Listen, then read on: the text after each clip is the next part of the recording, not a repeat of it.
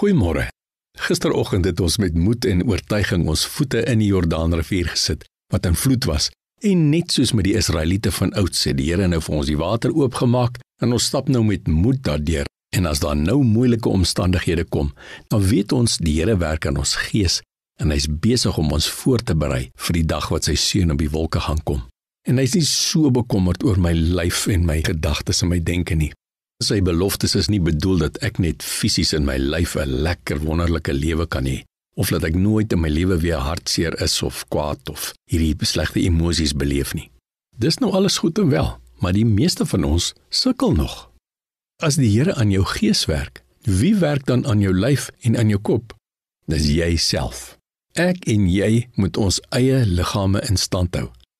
Dink nou, ons manne, as ons nou bietjie begin ouer word en ons begin so bietjie 'n maag ontwikkel en lyf aansit. En jy so onfiks as jy 'n verdieping opgeloop het, dan daar blaas jou asem. Dit help niks om vir die Here te gaan sê, "O Here, maak my fiks asseblief." Of vir die dames, "Here, help my om gewig te verloor." Of vir die kinders, "Help my om die eksamen deur te kom." Dit is goed om te bid, maar die Here gaan jou nie maar maak nie. Die Here gaan jou nie fiks maak nie. Jy moet self gaan oefen. As jy vir iets bid, gaan die Here nie die dinge doen wat jy self kan doen nie. Dit wat jy kan doen, moet jy doen. Jy moet jou lyf uitsorteer. Jy moet kies om jou kop anders te laat dink. Die Bybel sê in beginsel ons moet onsself oefen om te dink soos Jesus dink en ons moet sy gedagtes hê. En om dit te doen is nie maklik nie. Dis dalk 'n proses wat jare kan vat om jou lyf en jou kop in lyn te kry met dit wat die Here besig is in jou gees. Maar nou dink ek aan Nehemia.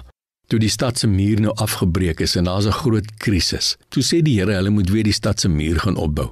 En Nehemia maak 'n uitstekende plan.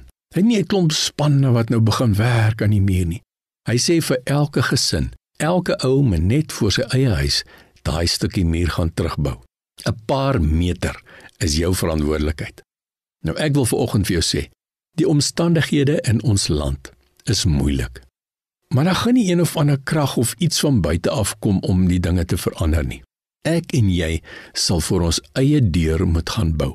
Ons moet sorg dat ons self persoonlik uitgesorteer is en dat ons self persoonlik vrede het. Dat daar 'n muur voor ons staan, simbolies. En as die ou langs jou en die ou langs hom en die ou langs hom en die ou langs hom elkeen 'n stukkie muur bou, is daar net nou net nou weer 'n sterk muur van vrede en voorspoed en geluk in ons land. Seën vir jou.